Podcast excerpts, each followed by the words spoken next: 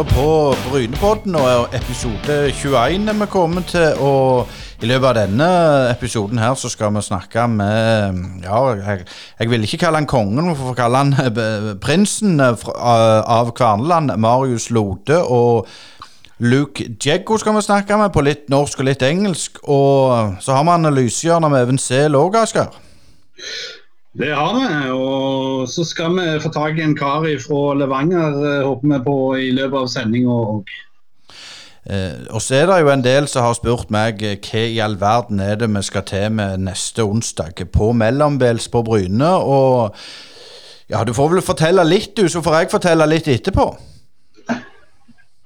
Ja, tanken er at vi skal ha en livesending eller vi skal ha en livesending på Mellombels, der vi skal diskutere temaet talentutvikling og hva som er de lureste veiene fram til å få gode talent. Med oss da har vi Alf Ingve Berntsen, som jo har flaska opp en hel skokk med Bryne-spillere. Og Brede Hangeland, som da har eh, gått ifra å være Vidar-spiller eh, til å bli proff i Premier League. De eh, har jo eh, en del syn på hvordan en skal utvikle talent, og det har Brede flagga i, ulike foredrag i aviser osv. Så, videre. så Så begge to har litt sterke syn på det. Og så må vi være litt djevelens advokat ned fra Brynepodden og, og spørre om, om de mange veiene som fører til rommet for å holde Pollestad-tråden fra sist eh, sending. Og så får vi finne ut hva det blir. Det er jo spennende med talentutvikling. Er også spennende å se hvordan eh, forskjellige nasjoner gjør ting. og Norge som eh, fotballnasjon har jo ikke akkurat kommet til mange mesterskap og mange eh, Champions League-sluttspill de siste årene, Øystein. Nei, det er sant det. Så er det jo også sikkert en del som spør seg ja, hvorfor i all verden skal vi gå på Mellombels når vi kan høre dette på, på podden gratis. Og jo, det skal jeg si deg, for det er så enkelt at det koster å lage podkast. Og hvis, hvis dere vil støtte oss, eh, så koster det 200 å komme inn på Mellombels. Du går inn på Mellombels, og så finner du aktiviteten eller, eller arrangementet. Og så får vi litt eh, til å drive dette. For pl- en, en, mikrofon koster f.eks. 3000 kroner, og det er sabla greit å ha litt eh, penger til drift. Så vi kan lage denne podkasten fortsatt eh, gratis for de som hører på. Så vi håper virkelig at folk støtter opp og kommer på arrangement. Og det er solgt mange billetter allerede, men det er ennå flere ledige. Og mm, jeg gleder meg iallfall veldig. Det, det gjør sikkert du òg, Asker. Ja, Jeg gleder meg selvfølgelig òg, og dette er jo snakk om å få i gang litt debatt. og som du sier, at Etterpå så blir det jo spørsmål og svar fra salen. så Det er jo folk i salen også kan ha meninger om ting og tang. eh, og Om ikke det går live ut fra vår sending, så er det iallfall mulighet til å diskutere både med Alfie Berntsen og med Brede. Eh, og Derfor er det lurt å komme og stille opp. Eh, Det er jo avgrenset med plasser. Og så er det veldig viktig å poengtere at eh, pga. covid-19 så nytter det ikke å kjøpe billetter i døra sånn som det pleide å være. Nå må man gå inn på nettet og, og tinge på forhånd, sånn at en kan komme seg inn i tide. Så håper vi folk kommer, kommer litt før tida og, og slapper litt av. og, og får seg noe å drikke og, og fylle opp og diskutere litt med disse folk. Og, og jeg tror det kan bli en gild høstkveld på Bryne dette. Øystein. Ja, det tror jeg absolutt. Og, og så er det jo da, hvis, hvis, hvis du er litt, eh, litt kjip avvik og, og ikke vil kjøpe billett, så skal du få mulighet å vinne eh, billetter. Men, men det, det tror jeg ikke vi, vi, vi sier nå, Asker. For det at de må tinge billetter. Gå inn på Facebook-sida, enten Brynepoddene si eller Mellombels. Ja, så kan vi heller eh, komme tilbake til eventuelt utlodning når eh, det nærmer seg eh, helga og slutten på helga. Så da får dere følge med selvfølgelig på Facebook-sida. Og, og se hva som skjer videre. Men vi håper jo at dere skal stille opp. Og det blir òg anledning til å kjøpe T-skjorte for dere som ikke har fått den flotte T-skjorta til Brynepodden. Ja, du hører fortsatt på Brynepodden, og vi skal snakke litt eh, tastaengelsk nå, for vi skal rett og slett til deg, Luke Jeggo. Du You prefer to speak English? Uh, begge to går fint på meg. Så ja, Yeah. maybe a bit of English. We'll see how we go. Uh, Du, Asker, du har studert litt uh, australsk idrett og sport. Yeah, I have a bit. Yeah, but uh, what you could ask Luke is, you know, soccer, as they call it in Australia, is, isn't the first or second or third sport even. Uh, what did you play any Well- other sports when you grew up? No, actually, because I was I was born in Vienna and then uh, grew up in Vienna for my first eight years, um, and uh, it was it was a bit of baseball actually as well as uh, football, um, and then but then when I went to Australia, it was just completely uh, completely football. So we are slowly uh, slowly taking over in Australia. I think we actually have the most kids playing sport are playing football now. Um, but still, we are a little bit behind with, with crowds and stuff behind AFL and, and cricket. But we're we're slowly taking over, so we're working on it. But but did you watch the other sports when you came to Australia? I mean, you, you your formative years were, were in Europe, where football is dominant. But I mean, Australia has been very good both in cricket and rugby, and they have this strange thing called Aussie rules football as well. Uh huh. No, yeah, you have to. Like, I, I would recommend that anyone who goes to Australia goes and watches Aussie rules football because it is it is chaos. It's like a huge pitch. There's 27, 8 people running around the pitch because you have the players, but you also have like the physios are running on the pitch, the water guys, and it's just like full stendy chaos.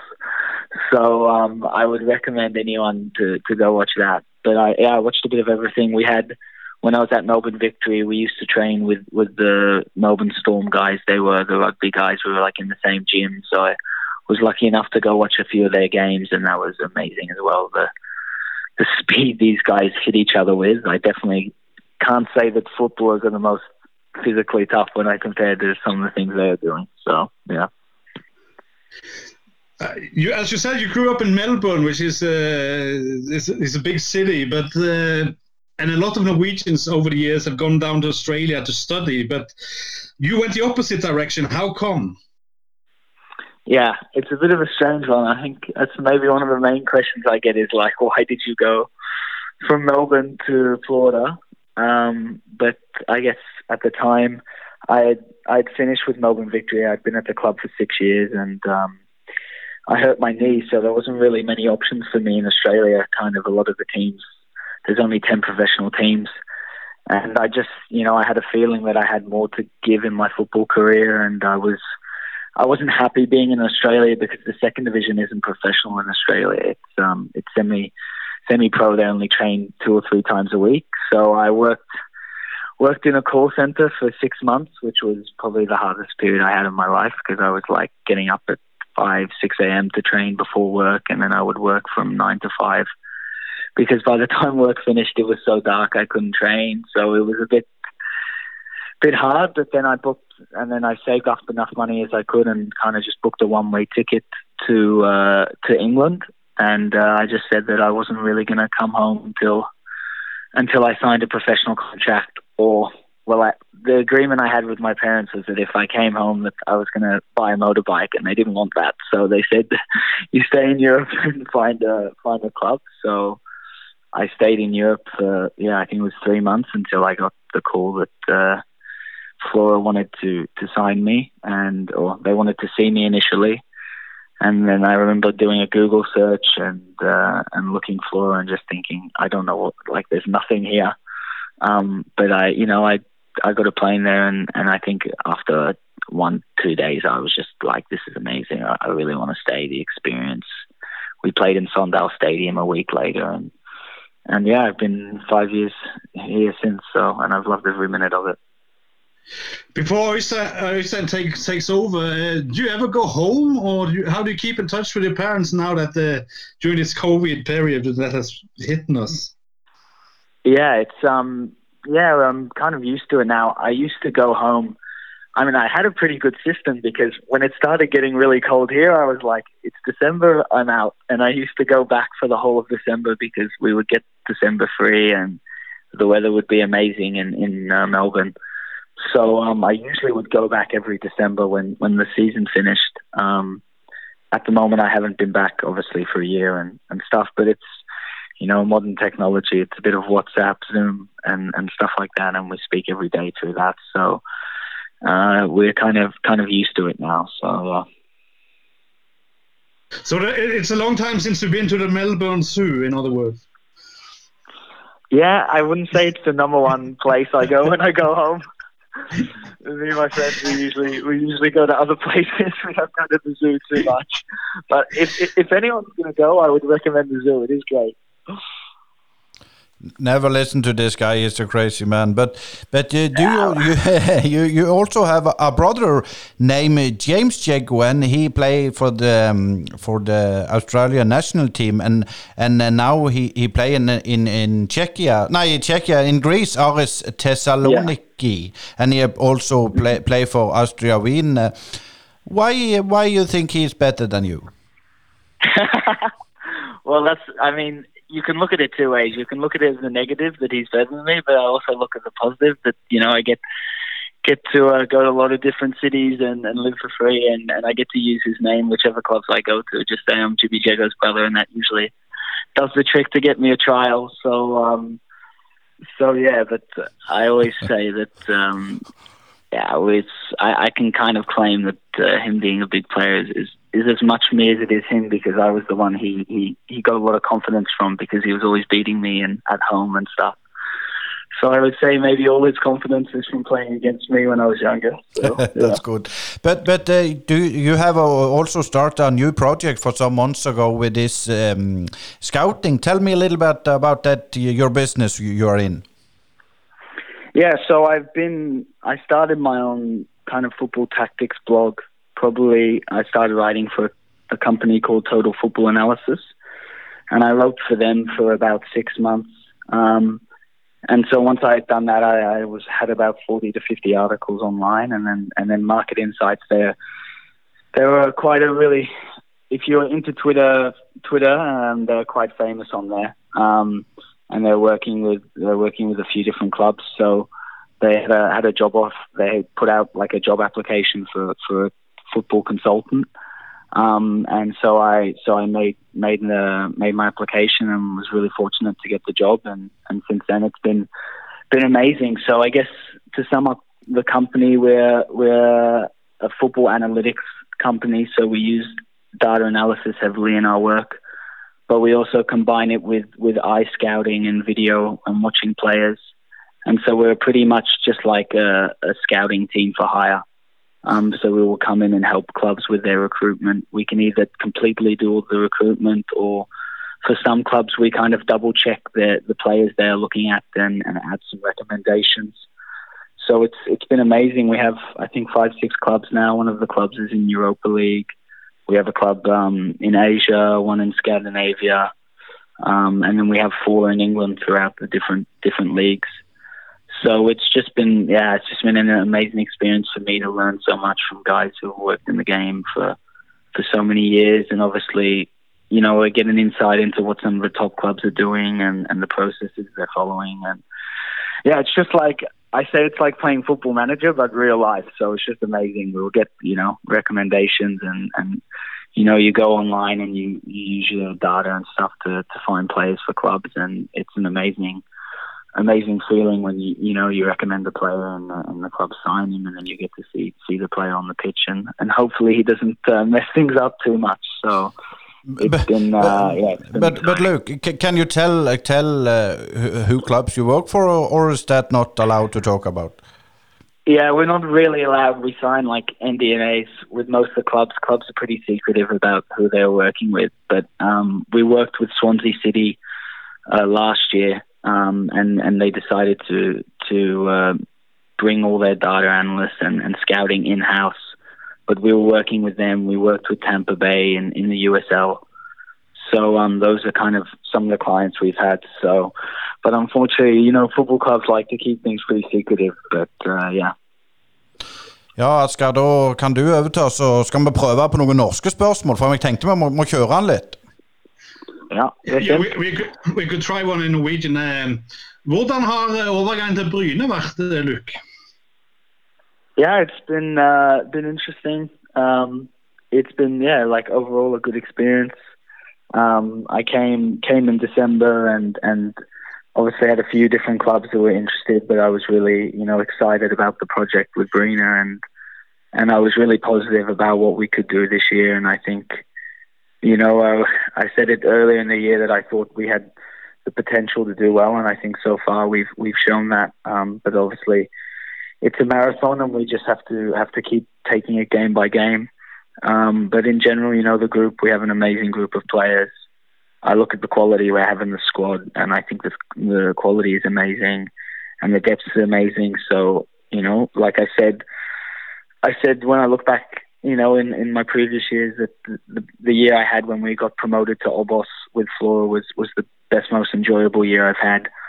Um, even maybe more than, than playing in the Obos, and, and you know, for us, it's been the same this year. It's it's really enjoyable when the team's doing well and, and we're winning games and and there's a good atmosphere. So obviously, personally for me, you know, it's been I, I haven't had a bench role for four or five years. I would say I haven't, you know, played. I usually used to play most of my games regularly, but that's that's football, and I think you know, I understand that if you have a, you know, if you have a team who needs to get needs to do well, you need competitive team and you need players who can who can fill the positions and you need that depth because ideally you want if there's an injury or, or there's a suspension that the player on the bench is, is coming up is going to do the job and and I think we really have that in the squad and I think that's a massive reason why we've been able to do so well so far this year. Uh, helt, helt, til slutt, uh, Luke. Um, du fortalte meg at du var en bedre spiller nå fordi at du ikke brukte så mye negative energy. Mm. Yeah, it's it's a really interesting one. You know, like I'm a pretty intense person with whatever I do. I don't tend to do. I can't do things fifty percent, and um, and I would say maybe you know I know from like fifteen to eighteen I was like ridiculous with it. I wouldn't eat.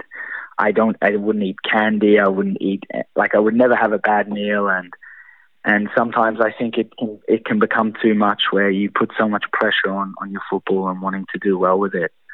And I think this year I found a lot better balance, and I have a lot of stuff I'm doing off the pitch, and I really enjoy the stuff I'm doing there. The coaching is really enjoyable for me, the scouting and, and some other things.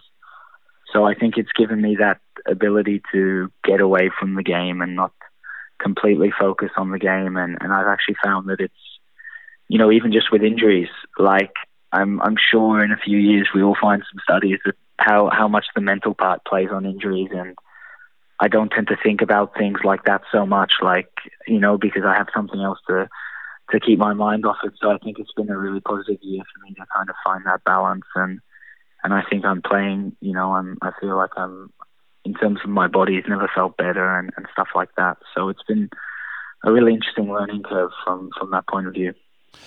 And then I speak an uh, English question at the last. What is your favorite position on the pitch? Yeah, it's a hard, it's a hard one, really. Um, I mean, when I was Flora, I played as as a uh, as a central midband my whole kind of time there uh, in the same system we played and and stuff. So I, I mean, I'm comfortable to play both interloper and and and, and central midband. So I wouldn't really know um, as long as I'm on the on the pitch, playing, running around, getting stuck in, and, and and playing good football, and I'm I'm generally happy. So yeah, I would say either either two of those positions. Ja, Even, da er vi klar med en ny analyse. Odd eh, to borte. Ehm, I utgangspunktet hadde jeg kanskje forestilt meg at dere skulle eh, kjøre over dem mer enn det dere gjorde i første omgang, iallfall. Men eh, hva har du sett på skjermene? Ja, det har vi. Og vi visste i forkant at det ikke ble noen enkel kamp. De ligger der de ligger, ikke tatt så mye poeng, ikke skåret så mye mål, men de har mange gode offensive spillere i Kachi, Njai og Nordkveld. Og vi visste det at de, de hadde spillere som kunne skape trøbbel for oss. At vi måtte være virkelig påskrevet og være på tå høv hele kampen. Og det syns vi at vi Så skaper store nok sjanser. Vi har jo en stor sjanse med Daniel etter ett-to minutter. Vi kunne tatt en tidlig ledelse. og Da kunne det gjerne blitt en litt annen kamp. Men heldigvis får vi det 1-0 rett før pause. Det var viktig å få 1-0. Ja, så har du den der uh, situasjonen med uh, Josh mot to der. Den, den, må du si litt om. Ja, og det var veldig ofte på før kampen at vi visste Odd var farlige på kontringer viktig for oss å få avslutta angrepet. og Det gjorde vi ikke akkurat i den situasjonen der, så da kom de to mot én etter, etter, et innkast. Så Bra forsvarsspiller Josh der han sperrer av og gjøre det vanskelig for angrepsspilleren.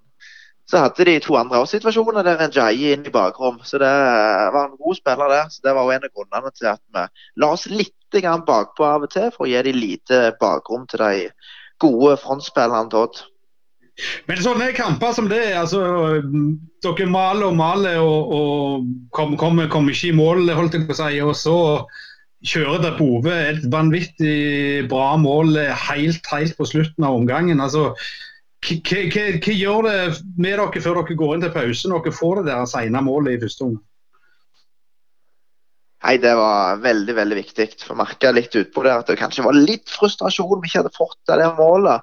Men Derfor var det så viktig å få fram uh, før kampen og pausen at dette er ikke en enkel kamp. Og to er bak. Uh, men Derfor var det veldig deilig få 1-0, og det var en strålende prestasjon av Dabove. Og igjen var det etter kast, så nå har vi skåret etter fem innkast i år. Så det er veldig bra. Så strålende skåring der han skipper han elegant over foten til forsvarsspilleren og knallhardt skudd mellom føttene på keeper. Alltid vanskelig for keeperen å gå mellom føttene. Så det var nydelig skåring. Åtte mål på Terri, det er solid. Ja, altså Nå puster han jo virkelig holdt han i ryggen eh, med antall skåringer. Altså, Har Bove skåret mer enn det dere hadde forventa da dere signerte han, eller er det omtrent der dere la lista? Nei, vi visste at han er en god målskårer. Det har vært i alle klubbene og skåret jo bra med mål for Grorud i andredivisjon i fjor. Og så er han jo straffetakeren vår òg, så det har han fått to mål på straffe i tillegg til seks spillemål. Så det visste vi at han var en god målskårer.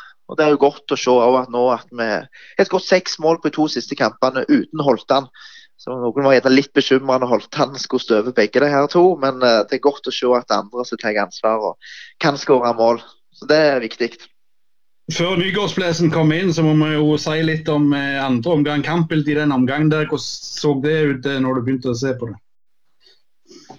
Nei, den er vi, vi godt fornøyde. Både i første og i andre omgang så starter vi veldig bra og skaper store sjanser. Vi har stor sjanse til Dybevik tidlig i andre omgang og produserer flere store sjanser. Men det er alltid sånn når det står og vipper litt der når det bare er null, så derfor var det veldig forløsende det å få den 2-0-skåringen. Det er en strålende kontring. og Der vi, ser vi aggressiviteten til Dybevik. Og så vil vi fort framover når vi vinner den, rett i bakgrunnen på Daniel. Så en God prestasjon av Daniel. Vi kom etter mye folk, spiller til Robert. Og så igjen legge ut til Bjarne, som tok et tungt og godt løp. Så Der eh, ser vi igjen mye av sånn vi ønsker å spille. at Vi skal være aggressive, vinne ball, og så skal vi kontre i høyt tempo og angripe mye folk. Og så er det godt å få, få 3-0 av der. og Der ser vi friske bein på Oliver Rotihaug, som aggressive aggressiv, vinner ball. Og så er det målvern på teori og Robert er sikker alene med keeper. Så får de trøstemål til slutt der. Men vi, vi står imot på slutten, så det var en viktig og deilig seier. Ja, jeg var, var innom uh, treninga på, på, onsdag og, og snakket litt med Jan Halvor. og Han var jo veldig tydelig på det at uh, dette var ingen lett kamp. At Odd 2 hadde gjort det bedre hjemme. Og, og dette var faktisk uh, I fjor, mener jeg, så, så, så, fikk dere vel ett poeng på kunstgras, men, men nå, nå, begynner dere å vinne der òg? Ja, det, vi gjør det. Og det, det er gledelig. Vi har vært solide nå, både, både hjemme og borte i år. Og jeg sier Det er ingen enkel kamp der folk tror gjerne dette går litt av seg selv når vi møter to som ikke tok så mye poeng, ikke gjort det så bra. Men det er mange gode unge lovende juniorspillere og spillere med god erfaring fra Eliteserien. Så det, det, er ikke lette de kampene der. og Derfor var det godt å, å få 1-0 før pause òg. Det, det, er litt det mentale laget De detter igjen det gjorde de for så vidt litt utover kampen. Eh, litt til skadesituasjonen, Even. Nå var jo Rogvi ute og holdt han ute. og Vet du litt mer om det nå? Det er vanskelig å si inn mot uh, helgas kamp. Vi får ta dag for dag med, med begge to. Rogvi har vi jo ikke planlagt med til denne kampen. Det kunne jo gå litt tid, så det får være en bonus. Holtan er det absolutt håp om. Men vi får ta, ta dag for dag. og så det er viktig å få noen gode treningsøkter også i forkant av kamp, så vi ikke får noe tilbakeslag. For det er fort gjort det hvis du ikke får trent skikkelig i forkant av kamp. Men det, det er absolutt håp om at Holtan eh, blir klar. Men helt til slutt, Even. Nå, nå, nå, forstår jeg eh, Eller sånn som jeg har forstått det, så har jeg forstått at lag 1 spiller hjemme mot lag 2 og 3, men, men det er visst ikke sånn? Nei, det er ikke det. Det er egentlig med tenkt hele veien at uh, det er sånn det skal være, sånn som det blir nå. Så det er mange andre som misforstått. Så det blir en trekning. Så det blir de sju lagene som blir lagt i bollen, og så blir vi trukket at ja, Bryne blir gjerne trukket som lag tre. Og da er det allerede satt opp at i den runden der møter lag tre lag fire, og i neste runde møter lag tre lag fem osv. Så, videre. så det er jo egentlig fair, det. Det, er det. det blir gjort på den måten der. Eh, kampen nå til helga går vel søndag klokka to, er det ikke sånn? Søndag klokka to, det er det. Det er pga. flytida. Det er viktig å gi og ta litt der. Så vi, vi har vår uh, gilde med Levanger der, og så er andre motstandere gilde Mosse når vi skal på bortekamper. Så det, Derfor er det søndag klokka to. Så Vi kan jo ikke ta inn så mye folk heller uansett, så det, det er vel gjerne litt likegyldig om det er det eller det tidspunktet, eller hvilken dag det er. Da vil Asker ta litt avslutningsvis inn mot eh, eller kampen om motstanderen Levanger, Asker? Ja, det jeg skulle si, det er iallfall etter kirketid, så, så, det må vel være greit. Eh, men Levanger eh, når du tenker at de trekte to poeng, så, så, er de jo faktisk med i toppen nesten. Og, og har faktisk los på, på topp tre der, hvis de, hvis de, ikke hadde blitt trukket de poengene. Altså, hva, slags lag kan du forvente å se på søndag? Ja, absolutt. Jeg syns Levanger har blitt bedre og bedre utover i sesongen. Det er solid mannskap, rutinert, godt mannskap. Så er det òg noen unge, spennende unggutter som har prestert bra. Så det er et lag som absolutt kan gi oss veldig god motstand. Der vi må, må være på 100% for å ta en seier. For det, det er et godt lag som sier de fikk en del nye spillere for sesongen. Nå har de fått satt laget mer og mer og er mer og mer samspilte. Så det blir en tøff kamp, men vi er i god form og i god selvtillit. Og, og vet at spiller vi på vårt beste, så skal vi ta tre poeng.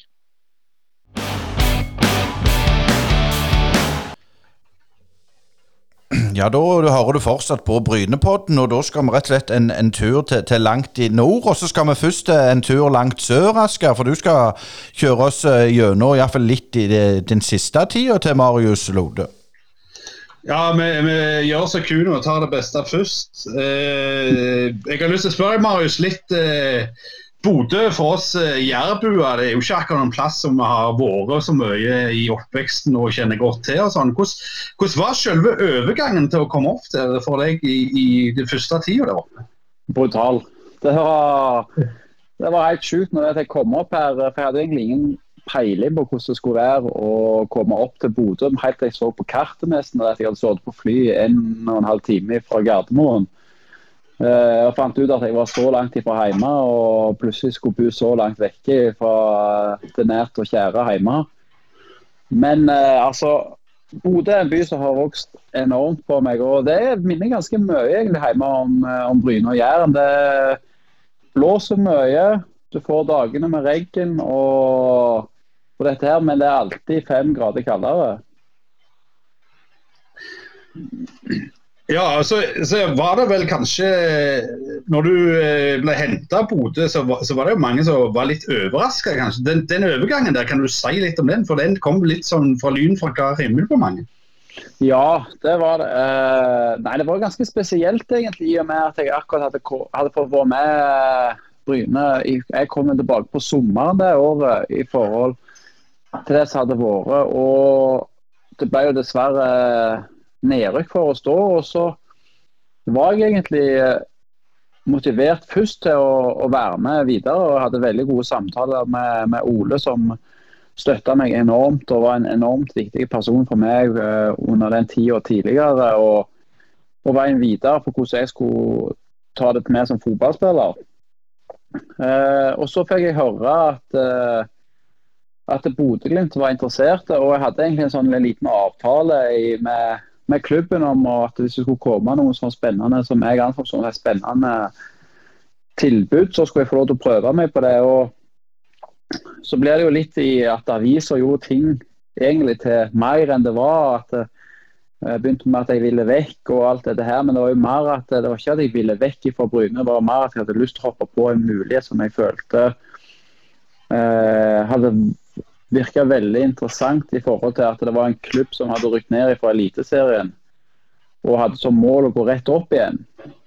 Eh, og når jeg fikk snakket med, med Glimt og med Åsmund, og, som var trener her, og, og Kjetil Knutsen, som hadde kommet inn som assistent, som, he, som var trener i Åsane når vi spilte i, i Obos eh, med de med Bryne, så forsto jeg at han hadde veldig lyst til å hente meg opp der. Og følte meg veldig ønska og likte veldig godt uh, de planene de hadde så for seg om hvordan Bodø-Glimt skulle være. Og uh, hadde jo et mål om å få spille Eliteserien.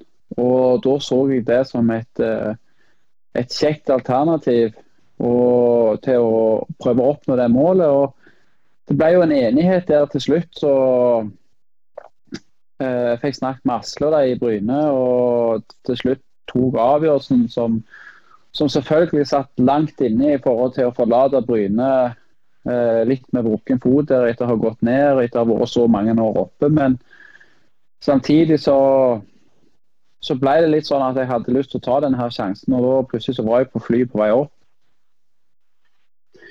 Men, men eh, vi må jo minne lytterne på at eh, tilstanden i Bodø var jo ikke sånn som den er i dag eh, den gang. Mm. Eh, dere spilte jo fremdeles i Obos-ligaen. Hvordan var forskjellen på å spille for Glimt eh, den første sesongen og det du var vant med i Bryne?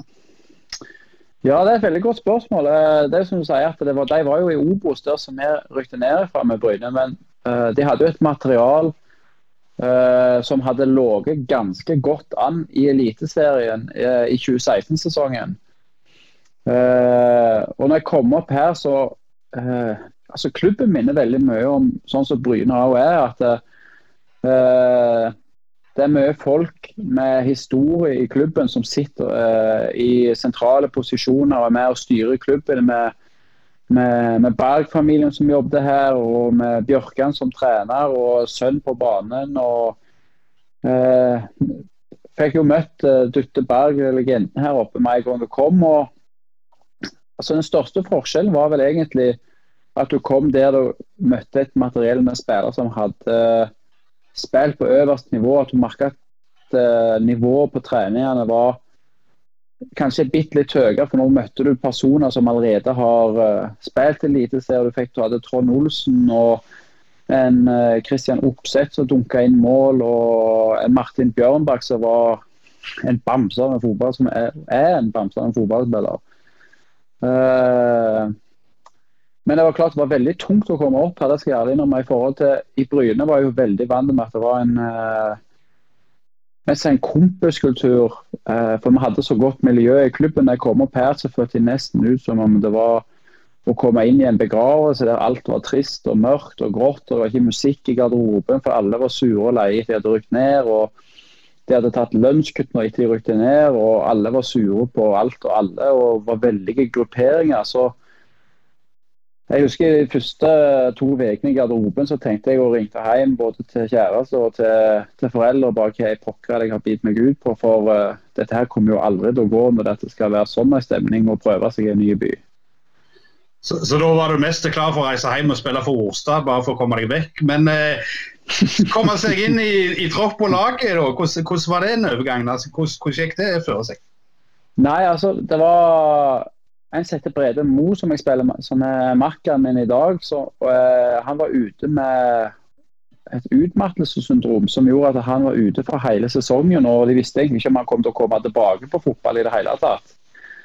Uh, så når jeg kom opp her, så var jeg, nest, var jeg en av to midtstoppere som så å var tilgjengelig. Vi hadde en unggutt som uh, var veldig lovende, men de ikke anså som helt klar.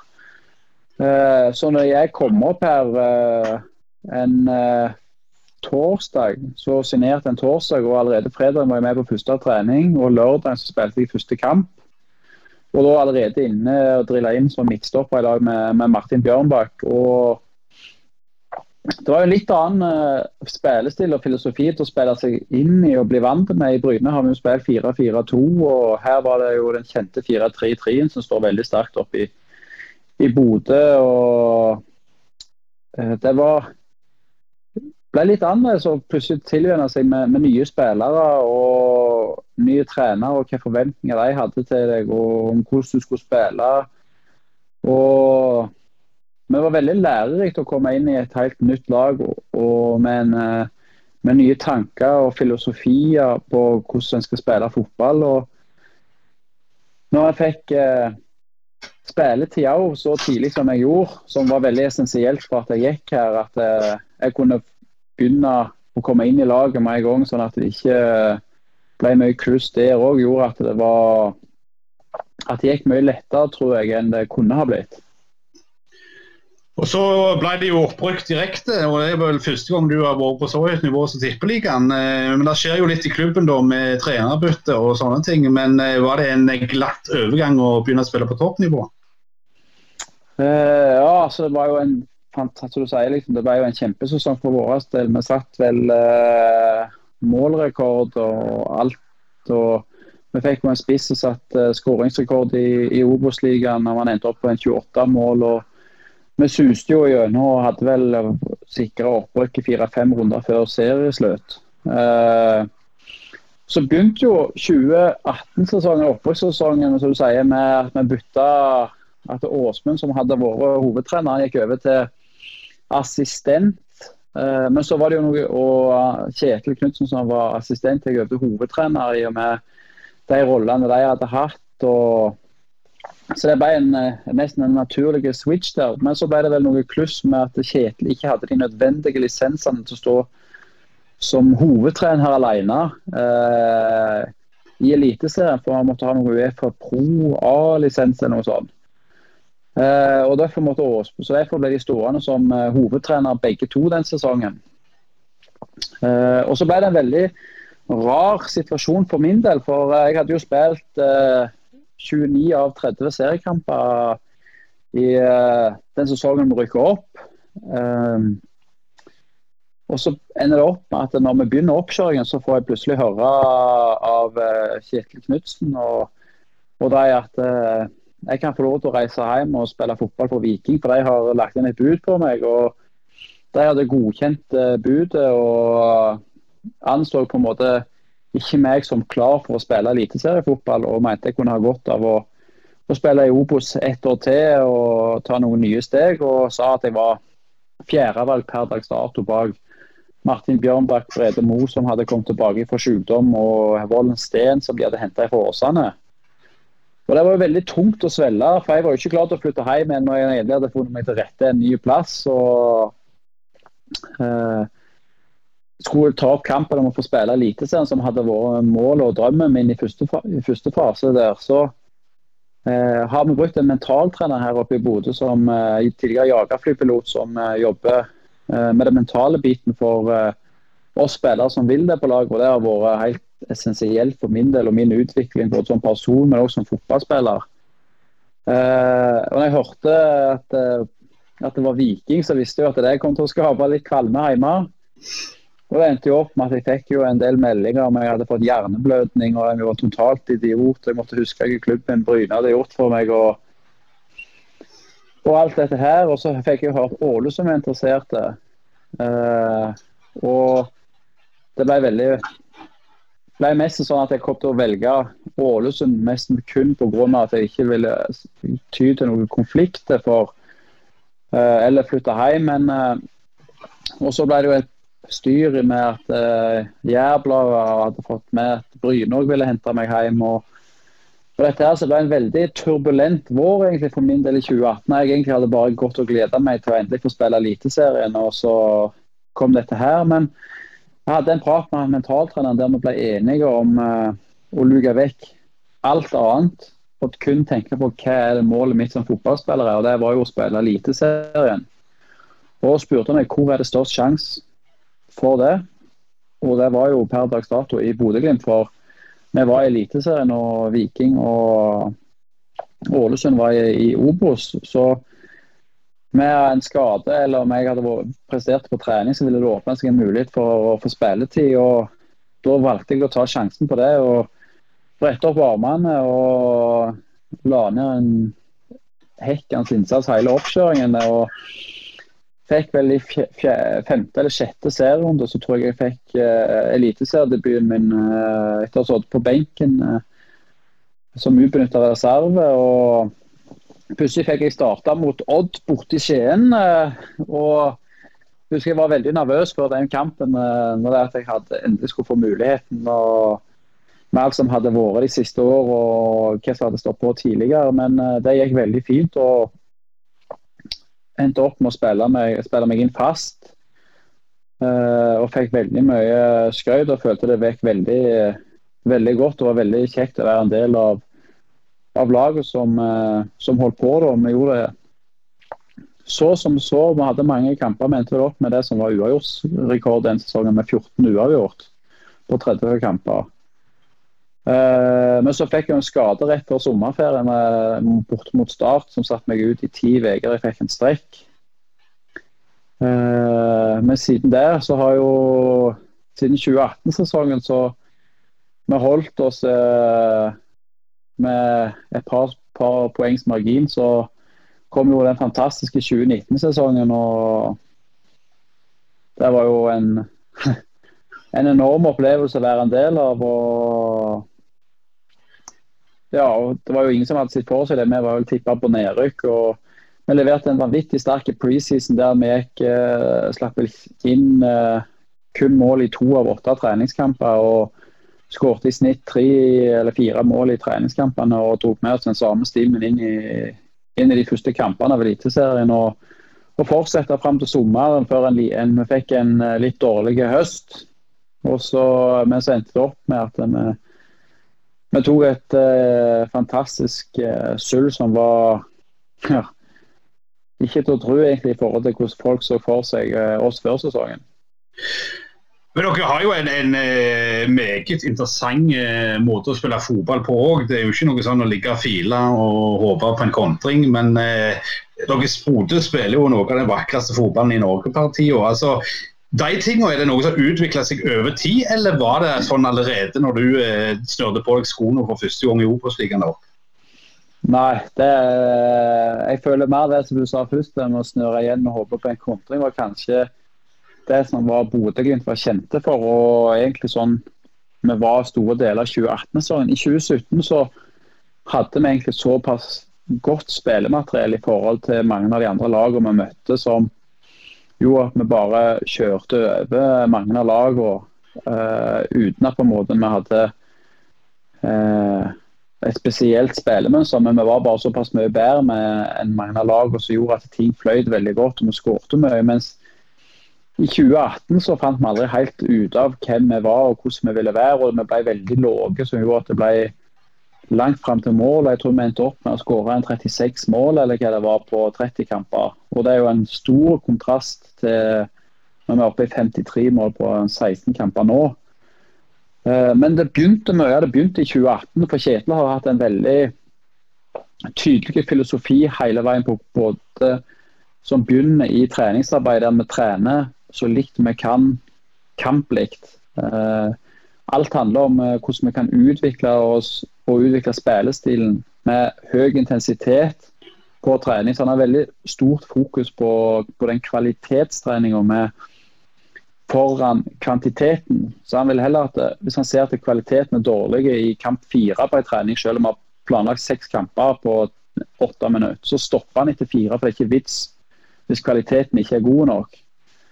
Eh, så han har perfeksjonert og krevd et vanvittig trøkk uh, av oss på trening og en tilstedeværelse i form av å tåle repeterte sprinter uh, mens vi spiller. Jeg tror ikke vi har hatt ei løp, ei ren kondisjonsøkt i Bodø-Glimt 20, ja, eller sommeren 2018.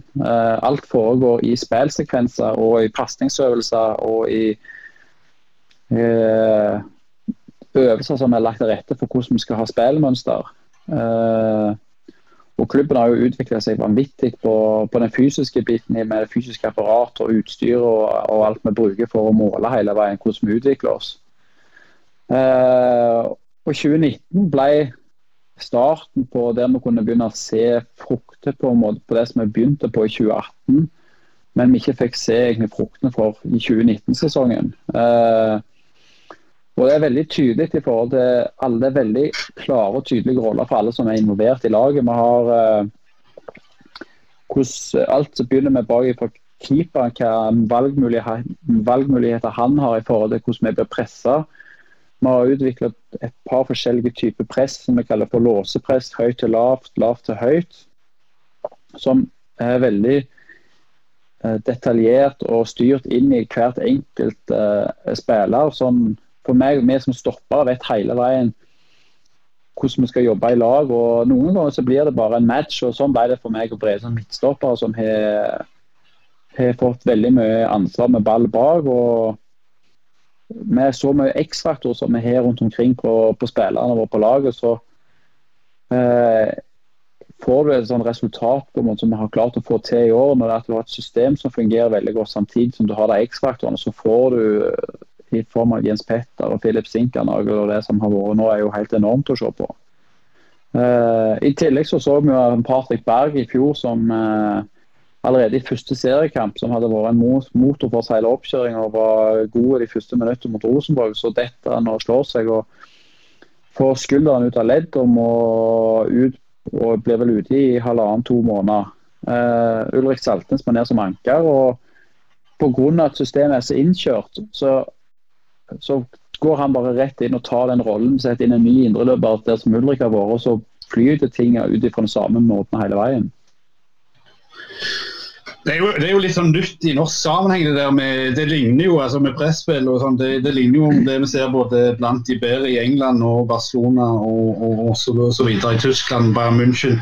Eh, men, men, jeg har lyst til å ta tak litt eh, før Øystein slipper til, litt til med den der mentale treninga. Altså, det, mm. har det hjulpet Marius Lode til å bli en helt annerledes fotballspiller enn det du var på Jæren?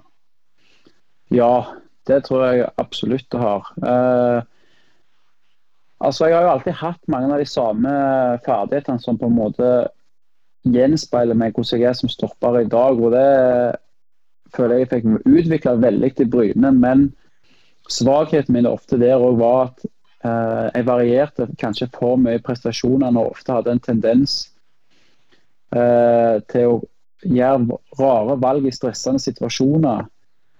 Eh, og jeg føler den, det, det mentale aspektet av fotballen er veldig veldig komplisert. For en skal ut og prestere, og en har vekk hva en skal gjøre, men samtidig så er en nervøs for det en skal gå ut og gjøre. Jeg kjente, en kjente ofte på det presset og det presset en har på seg selv for å prestere optimalt hele veien. og Hvis en gjør en feil, så begynner en å overtenke feilen. Hva er det som gjorde feil? Søren, er ikke god? Uh, og jeg hadde en veldig stor tendens til at når jeg gjorde én feil, så hadde jeg lyst til å gjøre den neste tingen på banen jeg skulle gjøre. Den skulle gjøre opp for den feilen. Jeg var veldig fancy, eller mest uh, gjøre opp for den feilen jeg hadde allerede gjort. Og det førte jo til at du kom inn i en ond spiral med å gjøre feil på feil på feil. Uh, og det er nesten litt sånn jeg følte jeg spilte fotball med skylapper tidligere, fordi jeg var så fokusert inn i én kanal hele veien. Uh, og det som har vært med eh, altså Det er mentaltrening kan man si vi holder på med, men det er en, eh, metodologien går ut på, det går på mindfulness og på en måte være til stede i nuet. Og være mer fokuserte på eh, outputen enn inputen vi holder på med.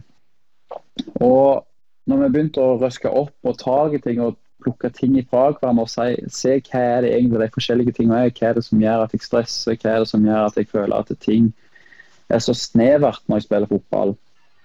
Eh, jo, at jeg ble, ble, veldig mer klar over hva er det som gjør at jeg stresser. Jeg trenger jo ikke å stresse. Og en begynner å se ting med litt større perspektiv. Og få en helt annen ro og tro på seg sjøl i stressende situasjoner. Så det som gikk på med skylappene, så ble det litt sånn prøv å slippe opp litt. Prøv å åpne opp hva er det som er ute på banen. Og gjør du en feil, så er det ikke vits å gjøre noe med den. Den har skjedd, den er ferdig, det er ikke noe vi kan gjøre. Og med å tenke sånn om forskjellige ting, både i treningsarbeid og i camphverdag, har gjort at en kan analysere etterpå. Og så se på en måte hva en gjorde godt, og hva en gjorde dårlig, og hva en kan gjøre bedre hele veien. Og med å ha et fokus mer på prestasjonen min i en helhet enn en alltid å se bare på resultatet. om at, uh, at resultatet ble bra, men hva, hva har prestasjonen min vært? Uh, har vært essensielt, føler jeg, for min utvikling. og jeg tror det er ekstremt mange som har, kunne hatt igjen av å se på det mentale aspektet av, uh, av alle idretter, tror jeg, men spesielt også sånn som for min del med fotballen.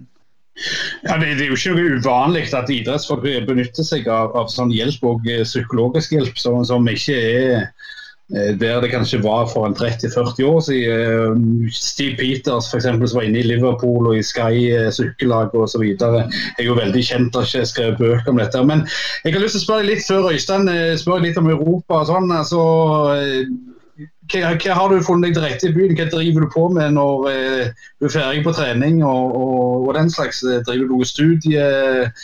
Har du funnet deg nye venner osv.? Hvordan er hverdagen utenom på fotballbanen?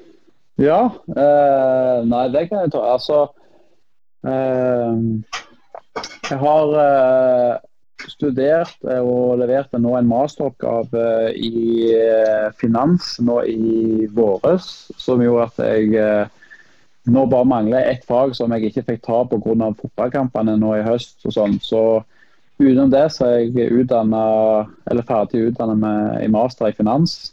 Eh, og på studiet der så traff jeg eh, et par som jeg var veldig mye med på, utsida av fotballbanen. Eh, som eh, studerte her. Eh, han ene av dem han bor ennå her i Bodø, og en, en som jeg er veldig mye med den dag i dag. og det har vært veldig viktig for min del, for jeg veldig, liker å koble litt av og ta og ikke gå og snakke og tenke fotball hele veien.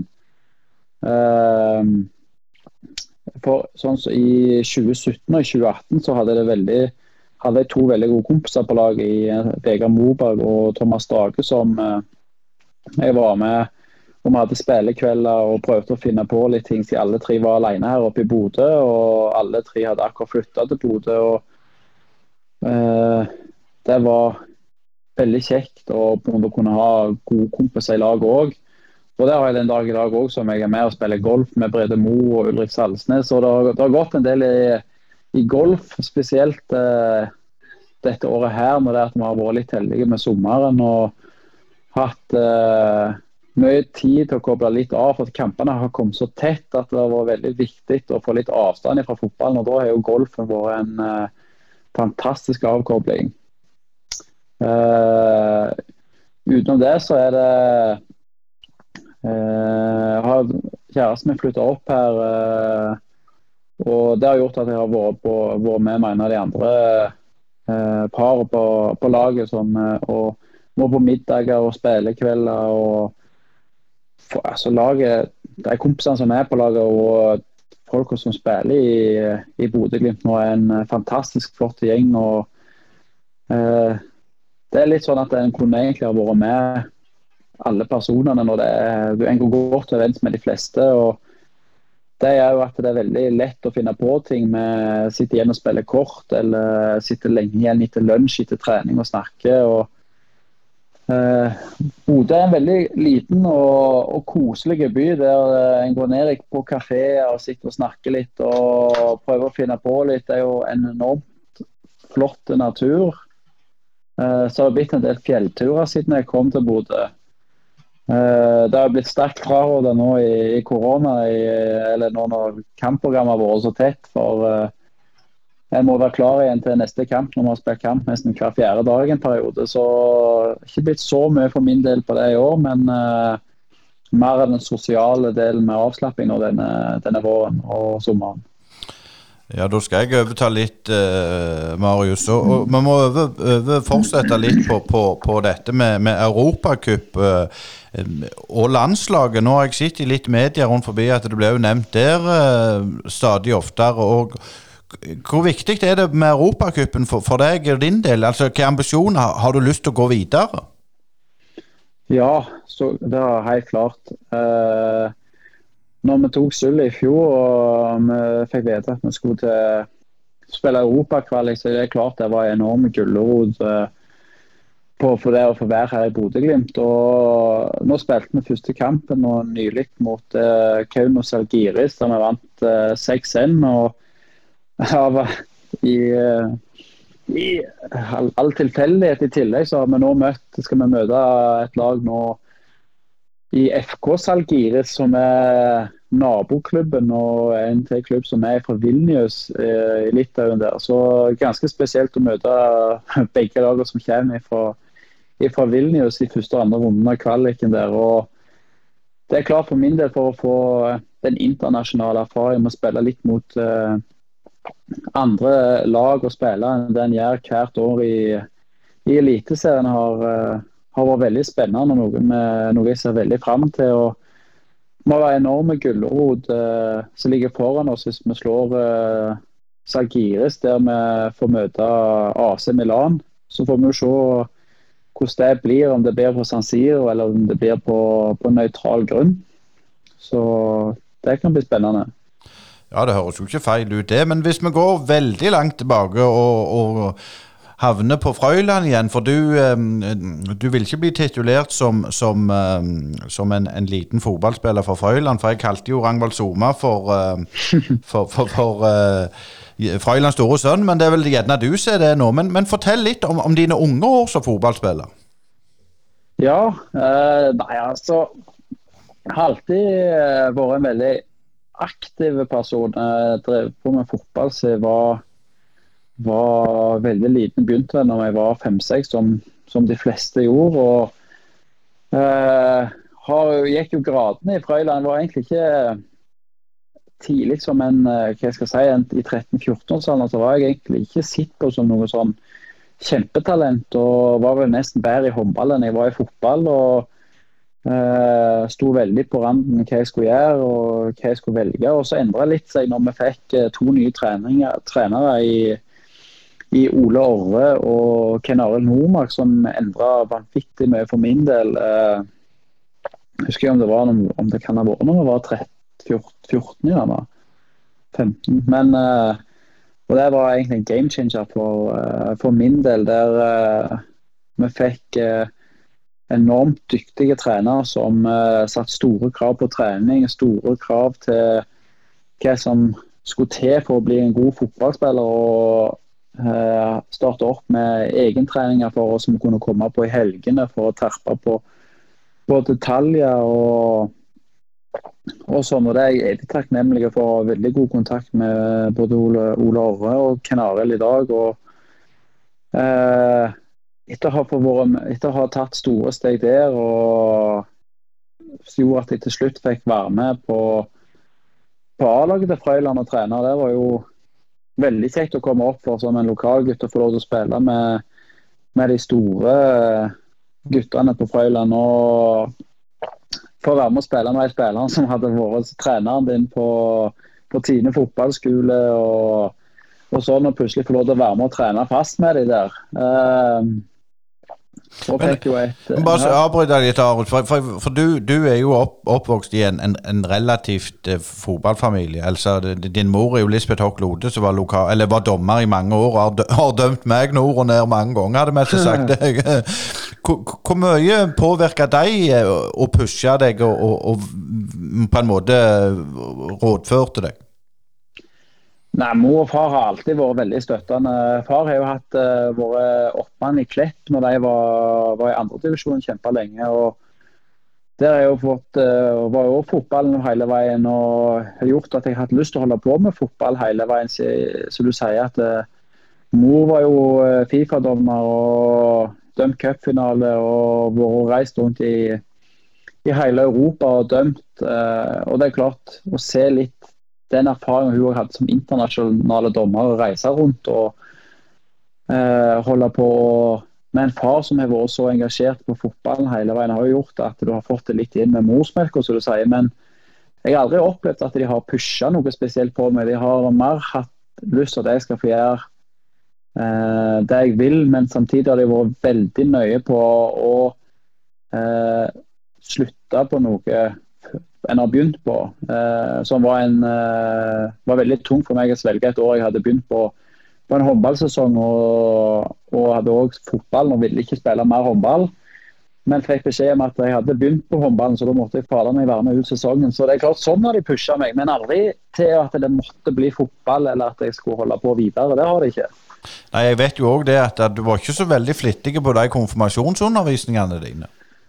Nei, det har eh, Når det kommer til konsentrasjonen og det å henge med på sånne ting som jeg egentlig ikke syns er så svært interessant, så har jeg eh, Ja, jeg, uten å overdrive så kan jeg jo si at jeg har ikke vært eh, vanvittig god på sånne ting, nei. Men, men så, kom, så kom Bryne på banen, og, og der var det vel òg Eller vel òg, sier jeg. Der var det vel litt sånn Det var Tommy Berger som var trener, og jeg vet det var, det var litt mye fram og tilbake, hvis jeg husker riktig. Eller var det ikke det? Ja, og det var det. Eh, det begynte vel Jeg gikk jo på videregående på disse her tidene. Som du sier at eh, når Bryne kom på banen og Tommy Bergersen ville hente meg, så var det han Jan Hauge som var, var daglig leder i Bryne på den tida. Han sa jo at alt kom til å gå i orden. og når jeg snakket med Frøyland, så sa jeg at Bryne har jo ikke kommet med noen penger på bordet eller noen ting. Så det var, veldig sånn miskommunisert fram og tilbake om hva som egentlig skjedde der ute. Det var veldig tydelig at de sa de hadde lyst til å få det til. Eh, jeg husker godt jeg satt og snakket med Svein Åge Asgeir og, og Hans Christian Haaland. og satt og grein litt inn i garderoben og der til jeg fant ut at jeg hadde lyst til å prøve og se om jeg kunne få til at jeg skulle gå til Bryne. Selv om eh, det var en drøm å gå der, så var det tungt å forlate barndomsklubben en eh, plass som har tatt så godt vare på meg med, med, så flotte folk. Men eh, når det først gikk gjennom der, så uh, var Preben Aamodt uh, og Ole Hjelmhaug hjemme hos meg dagen før vi reiste til, til, La Manga. Så da var det jo bare å få ta med meg de bryneklærne jeg hadde fått, og så komme seg av gårde ned til Spania. Så det var en rar overgang der òg, kan du si. Men, men, nå vet ikke jeg om, om dette stemmer, men, men, Tommy Bergersen uttalte til meg på, på når jeg hadde Bryneposten at, at du, du, ble på en måte Eller det sa han Det er ikke sikkert han kommuniserte det til deg, da, men han sa det at eh, Marius skal spille de ti første kampene for vi har tro på han, vi ser potensialet. Eh, fikk du kommunisert det? Jeg fikk veldig tydelig beskjed på at jeg kom til å bli satsa på når jeg kom, ja. Det gjorde jeg. Og Det var vel egentlig en av grunnene til jeg valgte å gå til slutt òg. For det var jo den første gangen de hadde lyst til å hente meg, så sa de at eh, jeg kom til å bli en, eh, kom til å være med og trene med A-laget. Vi har fokus på en kamp hver dag på, på to A-laget. og eh, Sånn som jeg snakket med, med, de, med Svein Åge og Asgeir i, i Frøyland på den tida, så var meninga om at eh, for min utvikling så syns jeg ikke det var best. Jeg ville ha en kamp hver dag der jeg kunne spille for et uh, førstelag. og uh, ikke være på et toerlag der det var folk som kom og var misfornøyde med å måtte vikariere på toerlaget. Uh, men når Tommy Eide Møster røyk akillesen sin på, i våren 2012, så åpna plutselig helt nye dører seg, og jeg fikk beskjed om at jeg kom til å bli, bli satsa på å få spille. og Eh, det gjorde jeg jo absolutt, og spilte jo ganske mye, mye kamper den eh, første sesongen min da jeg kom til, til Bryne. Og Det er jo veldig takknemlig for oss måten Tommy eh, og Ole Hjelmhaug, som var assistenttrener, lot meg få lov til å utvikle meg den sesongen. Så går det jo noen sesonger, så må vi jo mest sagt dessverre innom om noe som ikke var så, så, kjekt. Du fikk jo en, en dopingdom der i, i 2016. og jeg, jeg, bare tenker Jeg får jo mest vondt i magen når jeg ser på det sjøl. Førstesida i VG og TV 2 og, og, og alt. Um, du skal være sterk for for å på en måte stå i den driten der. Ja, eh, særlig når man, det, var, det var ganske tungt. og Det var jo noe jeg hadde gått og båret på siden allerede siden, si våren 20, eh, det blir 2015. Eh, for da fikk jeg eh, Uh, når jeg fikk den første mailen fra Antidoping Norge om at uh, jeg hadde avlagt en uh, positiv dopingtest, og alt som lå bak der og, og, sånn, uten å få mye inn i det. Men det var jo en veldig snodig situasjon i form av at de sa at hadde de ikke funnet noe, så i urinprøven, selv om jeg hadde skrevet det opp måtte for å være ærlig, at jeg Eh, at hadde, jeg hadde tatt eh, medisinen den mandagsmorgenen og vi hadde kamp onsdagen, så tenkte jeg at det var i viktig å være ærlig, for jeg tenkte ikke noe over det den, den, dagen. og Litt rart å tenke på at de ikke funnet noen ting når de fant uh, avfallsstoffet til, til medisin som beviste at de snakket sant hele veien. Det var jo i hvert fall viktig for min del òg at vite at uh, en kunne se på, på prøvene at jeg hadde snakket sant. Men hadde de ikke funnet avfallsstoffet som kroppen produserer, så hadde jeg heller ikke fått straff, selv om jeg hadde innrømt det. Uh, men for min del var det veldig viktig og veldig viktig. Jeg fikk vanvittig mye meldinger av folk som, uh, som syntes synd på meg og ikke kunne forstå hvorfor det skulle være sånn, i og med at jeg ikke hadde tatt et stoff som på en måte var veldig uh, Som gitte den typen uh, prestasjonsfremmende som folk snakket veldig mye om. og jeg hadde en kompis med meg den dagen som var ganske gøy, som heter Anton Sandan, som er en veldig god venn av meg. Han, vi reiste, for Han kom og henta meg rett fra pressekonferansen som uh, uh, var veldig tung. Uh, og Bryne hjalp meg jo vanvittig mye egentlig hele prosessen der. og Jeg er jo evig takknemlig for, for alle personene som var oppe i det i den stunden, med, med Gaute, med Asle og Ole Hjelmhaug spesielt, som, som var nesten som en ekstra far i Bryne der akkurat da. og eh, hjalp meg der. Men han kompisen min reiste rett fra pressekonferanse rett på en kinarestaurant på, på Sandnes. Og så satt vi på kinarestaurant, så sa han bare sånn Å, satan, Lode. Nå har du gjort det kuleste og største drømmen min noensinne. Det er å være på toppen av TV 2-sporten. Og tenkte jeg begynte jeg bare sånn, jeg satt jo der og var nesten lei meg, vet du, men jeg klarte ikke la være å le. og Litt sånn galgenhumor der. og Spilte vel to kamper til etter denne her pressekonferansen og satt meg et klart mål om å komme tilbake på fotball på toppnivå. Og Det var vel egentlig litt av grunnen til, til det valget jeg tok om å reise opp til Bodø-Glimt, i og med at det var hovedmålet mitt den dagen. Eh, jeg eh, måtte sone dom og eh, og Rett etter dommen begynte også, og skulle sones, satt meg og Ole Hjelmhaug oss ned om hvordan skal vi komme tilbake som fotballspiller kjappest mulig og ta nivået når vi kommer tilbake igjen høsten 2016. Eh, vi skal snart sette over til, til, til deg, Asker. Men, men, jeg bare lurer litt på det, Marius. Har, har, har, det på en måte Har du brukt det til noe Jeg skal ikke si positivt, men, men har det gjort noe med deg som menneske, det, det, denne utestengelsen? og at det, at den indre drivkraften har, har det på en måte ja, for, for, for, Hva kan man si? Funnet noe inni deg?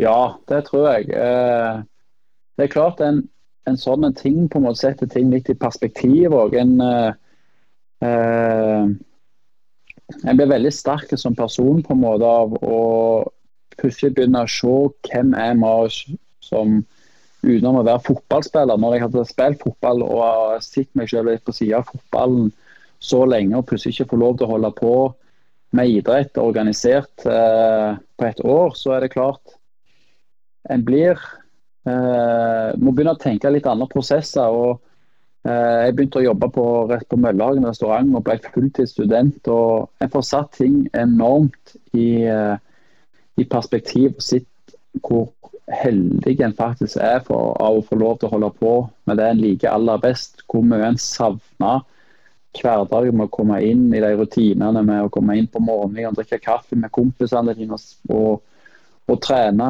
Og ikke minst på søndagene var det Jeg hadde veldig lyst til å se det meste av Brynekamper. Noen kamper var tunge å se fordi at en ikke fikk lov til å, til å være med sjøl når eh, ting ikke fløyt helt. og og sånn og ikke få være med å kjenne på gleden når, eh, når seirene kom. Men samtidig så bygger det opp en vanvittig eh, så du sier, en, sånn, en lyst og en drive til å vise at dette her har jeg lyst til å få til, dette her skal jeg komme tilbake til og, få være med og bidra. Jeg skal kjenne på den følelsen det er å spille fotball og nyte den tida en har fotballkarrieren. For en har en karriere, og den er kort. Eh, og det handler om å utnytte den best mulig. og Det tror jeg jeg fikk forsto mye mer eh, når jeg kom tilbake fra dommen, som hun sier. Ja, nå skal, skal du, Asker, overta, men, men vi må jo bare skryte litt, Marius. over Du hadde jo et sånt strømpetreff òg nå i, i, sesongen? Ja, eh, det kan du si. Det var en enorm glede. å en liten fanfare, det. Det var, det, var, det var, et sinnssykt mål, for å si det sånn. Det er jo helt ellevilt. Jo, tusen takk for det. det var, jeg tror ikke det er mange som har sett den komme. Og... Nei, vet, vet hva. Jeg hadde jo planlagt en feiring med en kompis etter Rein Austad om Storhaga Austad, skal jeg si. og om at jeg skulle feire som et reinsdyr hvis jeg skårte. Men vet du hva, altså, jeg har rein eufori og alt dette her, så kom jeg jo ikke på noen ting. og ja, Det var helt enormt. Ja, Det var som de sier i Tyskland, reit in vinkel, dette her. Men eh, eh, det, det, jeg lurer på, vi tar, tar opp hansken litt fra der vi begynte til, til slutt her. Eh hvordan, hvordan, har dere nytta den der lange sesongoppkjøringen med korona rundt dere? Er det noe dere har dratt fordel av eh, i år som gjør at dere presterer kamp etter kamp etter kamp denne sesongen? Ja, et veldig, et veldig godt spørsmål. Eh, jeg tror det er mye som spiller inn der. Eh, jeg tror jo at der vi har en så tydelig filosofi som vi har i forhold til hvordan vi spiller fotball, spiller veldig inn. I og med at vi eh, er veldig dedikert hvordan, og tydelig på hvordan vi selv skal skape sjanser. Ikke at en hva kan si, sånn som en, en sier noen ganger, at Det er ikke polpasninger opp på topp og så satse på det beste og så komme etter. sånn. Vi spiller en fotball som gjør at vi selv tar styring over det som skjer. Eh, samtidig så skal klubben og, og daglig leder og styre og ha en enorm kudos for uh, måten de sto opp under koronaen. og Det at mange begynte å permittere spillere. Og Det kom jo veldig brått på alle, hele denne koronaen om at det plutselig ble så store nedstengninger. og hva Det var 12. mars når hele Norge plutselig stengte ned. og Vi fikk beskjed om at uh, vi skulle komme tilbake på trening på mandagen uh, og få ytterligere informasjon om hvordan det ble med trening. Men plutselig så ble det bare sånn nei, vi får ikke lov til å trene i det hele tatt. Um, og når så, som koronaen pågikk, så fikk vi eh, treningsprogram som eh, vi skulle utføre hele veien og ble delt inn i grupper på, på fire personer og fem personer som var så store grupper en fikk lov til å være. Og fikk eh, egne soner satt opp rundt omkring på stadion som var i, satt opp i forhold til myndighetenes retningslinjer om eh, en, at du skulle ha den samme kohorten. og eh, alt var sprita ned og ble vaska hver dag. Det var sprit overalt på stadion, og alle hadde forskjellige innganger. og At klubben gjorde sånne konkrete eh, tak og la til rette for så mye god trening, som gjorde at vi hadde styrketrening, vi hadde springetreninger. og på dager der det ikke var lov til å være når det ble kom nye restriksjoner, for vi ikke fikk lov til å trene så mye, så var det satt opp til at vi skulle ha konkurranser i i huset der vi hadde eh, crossfit-økter der vi skulle filme oss selv med konkurranser om uh, og armhevinger. Og det var burpees og alt sånt her som vi skulle filme oss på hvor lang tid vi brukte på å gjennomføre økt og sende til den fysiske treneren.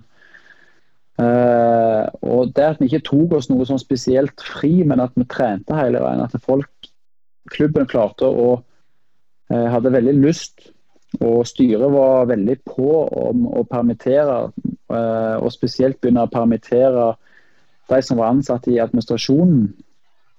Og Da ble vi kalt inn på et møte med som sitter i spillerutvalget i, i Glimt. og vi fikk høre at hvis vi tok, eh, de kunne permittere de i administrasjonen For at vi som spillere skulle ikke bli permittert. Men hvis de permitterte de i administrasjonen, så kom jo òg alle ungguttene i akademi og dette her til å miste den store oppfølginga de òg fikk på, på, Zoom og alt dette her hver dag. Eh, så vi ble enige om et kompromiss med at alle, hei, alle spillerne, alle i administrasjonen, alle i trenerteamet, alt gikk med på et lønnskutt som gjorde at eh, klubben kunne holde det gående i et par måneder til uten å permittere. Som gjorde at eh, jeg tror vi har skapt et fellesskap og den indre justisen vi som spillergruppe har, for den har så lyst å utvikle seg videre på det som vi hadde fra, fra 2019-sesongen. Og når du har ei spillergruppe som er så sultne på å ta nye steg hele veien, uh, det tror jeg har gjort at uh, vi trente eh, enormt godt under korona. Det følte du kunne se som du sier, når eh, sesongen begynte. Ut ifra hvor godt trente vi var, hvor godt vi sto i, i slutten av kamper og har klart å fortsette det. Men Marius Lode, du har vel eh, bikka 27, eh, og du lever på en måte fotballdrømmen og topper tippeligaen med Bodø-Glimt. 27 er det jo mange som sier at eh, fotballspillere når en slags topp, i hvert fall fysisk og sånn som kroppen er bygd. Eh, men midtstopper har heldigvis noen gode år føre seg til. Eh, hva er drømmen eh, videre framover? Er det å komme seg ut, eller er du fornøyd med der du er per i dag? Start?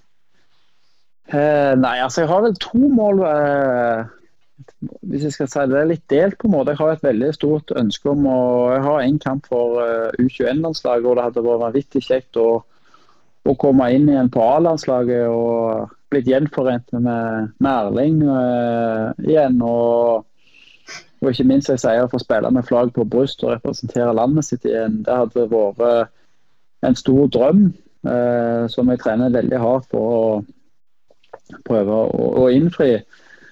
Så er det litt, uh, altså En har jo et mål om å gå ut, men samtidig så er det litt at jeg har ikke lyst til å gå ut på død og liv til noe som på en måte bare skal være et eventyr i forhold til et rent økonomisk eventyr.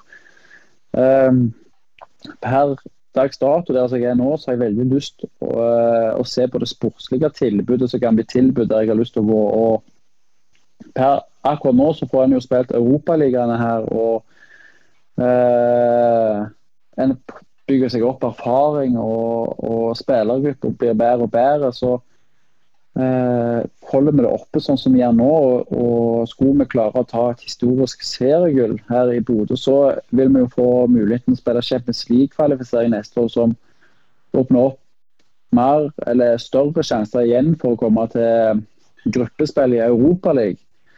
Så sånn Sportslig sett så syns jeg Bodø-Glimt er kanskje en av de mest spennende plassene å være uh, i Skandinavia. Uh, en kan vi jo kanskje se på København uh, på FCK der, og kanskje en eller to klubber i Sverige. Men sånn, sånn ellers så tror jeg ikke jeg ville reist til noen andre plasser og spilt fotball per dags dato i, i, Skandinavia. Så en vil ikke gå til, til hva ting som helst, men det er jo klart både sjansene for å spille for å nå drømmen om å spille på landslaget ville jo ha, ha økt hvis jeg hadde kommet meg til, til en liga der en kunne ha spilt på et litt høyere nivå. Uh, Marius, uh, du, innledningsvis så hadde vi jo en liten sånn en, uh, morsom at kongen av Frøyland er fortsatt, mm. er, er fortsatt Rangvald Soma. jeg vet du ble kalt kongen. Lote konge, sang B-gjengen bl.a., men i Brynepoddene så, så, må du nok litt høyere for å få den stempelet. Så hvis vi skal ha en liten avtale Hvis du blir seriemester, så skal vi kalle deg kongen av Frøyland. Er det en avtale? Det er en avtale. Tusen takk for at du stilte opp, Marius. Bare Veldig kjekt at jeg være med. og Kjempe det dere har på gang her. Ja, det var veldig bra samtale òg, syns jeg. Jeg, jeg koste meg. Ja, jeg òg. Det var veldig gøy, syns jeg. Det var kjekt å snakke litt og få delt litt tanker. Sånn det du sier, det er litt kjekt når jeg begynner å tenke på ting. Ja. Ja, da har vi med oss eh, Levanger-trener Per Werner Rønning. og Per, eh, vi som kommer fra Jæren er jo ikke godt bevandra i Trøndelagens fotballverden. Eh, det er jo ganske mange gode lag der oppe. Hvor, hvor henter dere spillermateriellet fra? Nei, hva skal jeg si. Vi, vi, vi, ønsker jo å rekruttere så mye som mulig lokalt. Og, og sånn som tingenes tilstand har blitt de siste årene med, med tanke på økonomi og sånn der, så så er vi jo rett og slett uh, beint nødt til å være Eller til å bli bedre på det området, da, er vi. Uh, siste årene har vi hatt uh, kanskje litt for lite litt for lite rekruttering fra dem fra det lokale rundt oss her. Hvor vi har vært avhengig av litt eksterne eksterne spillere for å, for å være på det nivået som vi har ønska.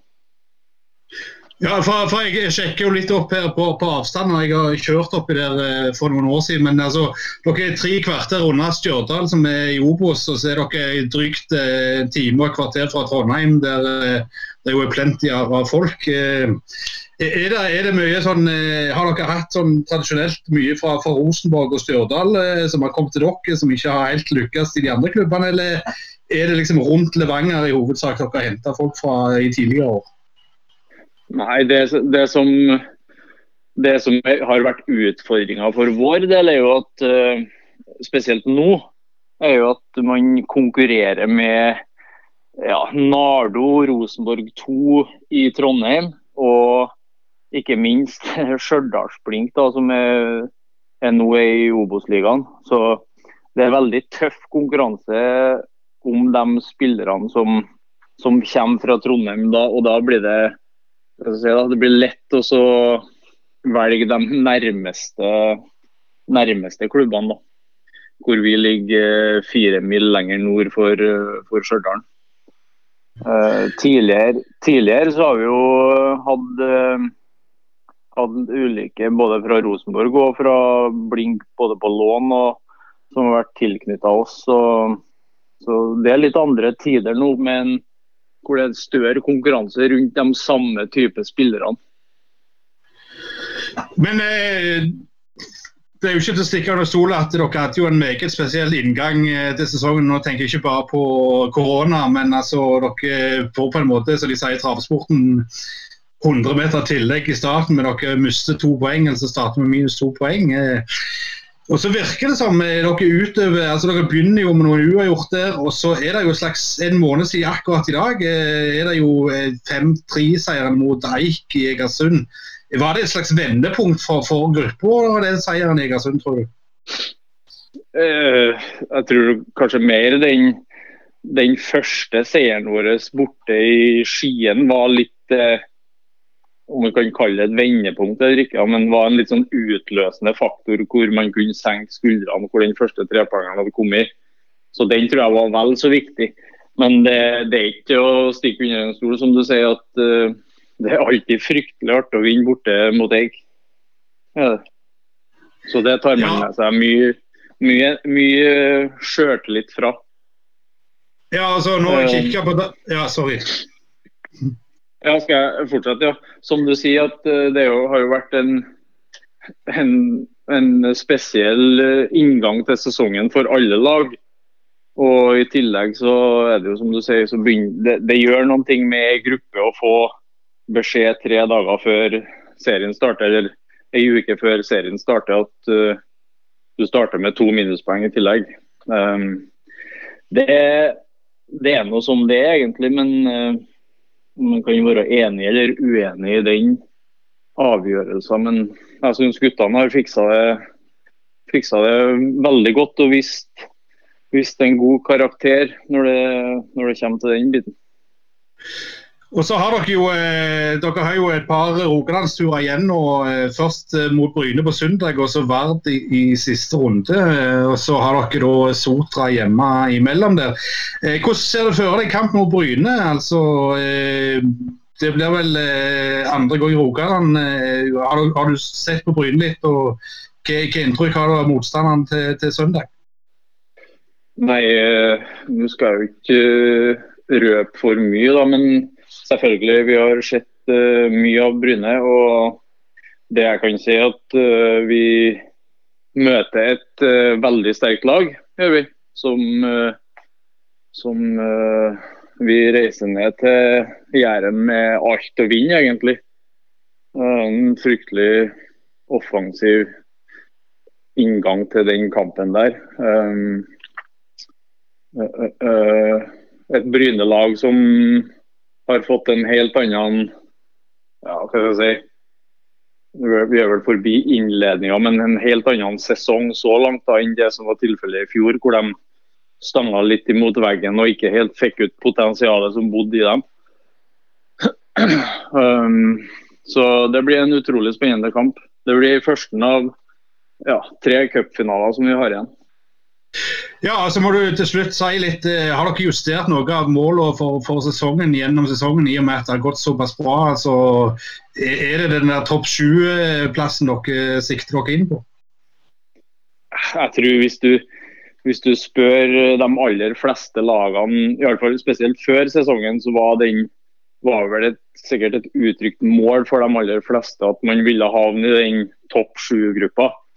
Um, det har jo vi jo selvfølgelig hatt håp om eh, når det gjelder når det gjelder noe evaluering underveis og sånn der, så ligger man Vi ligger jo i en, et, si, et lege som gir oss muligheten til å kjempe om den. Men det er så små marginer og det er så tett der at, uh, at uh, vi får bare kjøre den gode, gamle klisjeen og legge alt, absolutt alt av energi i neste kamp. Og så får vi bare samle alt vi kan av poeng og ta det derfra.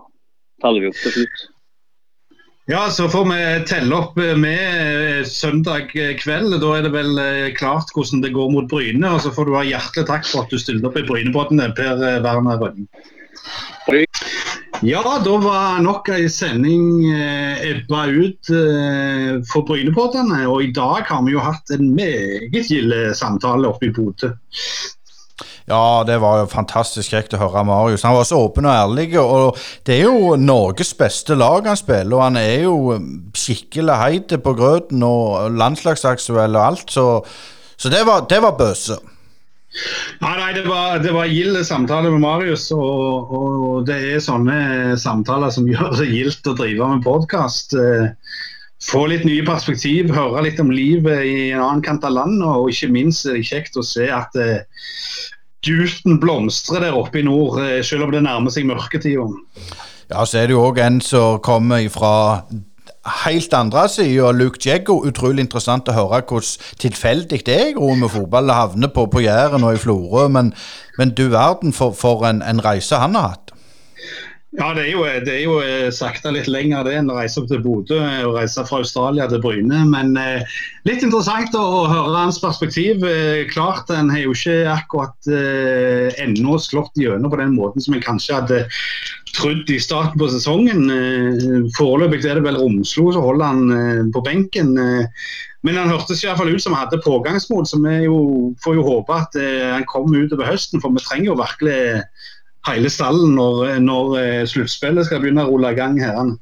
Ja, så var det jo òg det som Even poengterte, at, at selv om du vinner pulja, så er det ikke dermed sagt at du skal spille hjemme mot lag to og tre, så jeg har trøtt, og så gjerne mange andre har trøtt, Men um, du beholder poenger, men du blir rett og slett trukket ut uh, som uh, altså lag én og lag to og lag tre osv.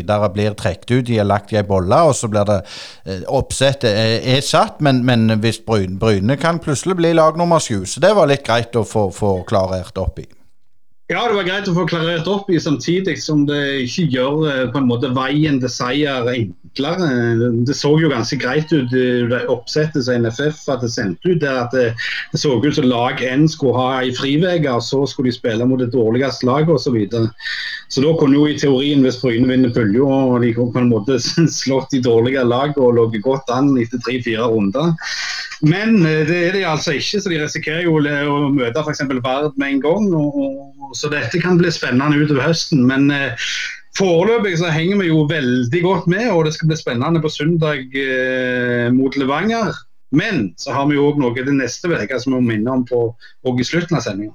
Ja, absolutt. Vi skal ha livesending på Mellombels fra klokka åtte med Brede Hangeland og Alf Ingve Berntsen, der temaet er talentutvikling. og eh, hvis du har lyst å være der på Mellombels, og det regner jeg med du har, så er det mulig å tinge billetter. Da går du enten inn på Brynepodden eller Mellombels på Facebook og søker opp arrangementfaner og bestiller. Og det er viktig å bestille på nett pga. covid-19. Uh, og så er det viktig å bestille for rett og slett støtte oss i podkasten. For alt overskudd fra den kvelden det går til drift av podkasten, for det koster å eh, gi dere disse episodene gratis. Og vi hadde sett utrolig utrolig pris på om dere var med og lagde en festkveld for oss. Det gleder vi oss til, Asgeir. Ja, og hvis det funker, så har vi flere kaniner i herten som vi kan trekke opp utover høsten. Og det er ikke dumt å ha en arena der òg vi som driver denne podkasten, får møte dere lyttere.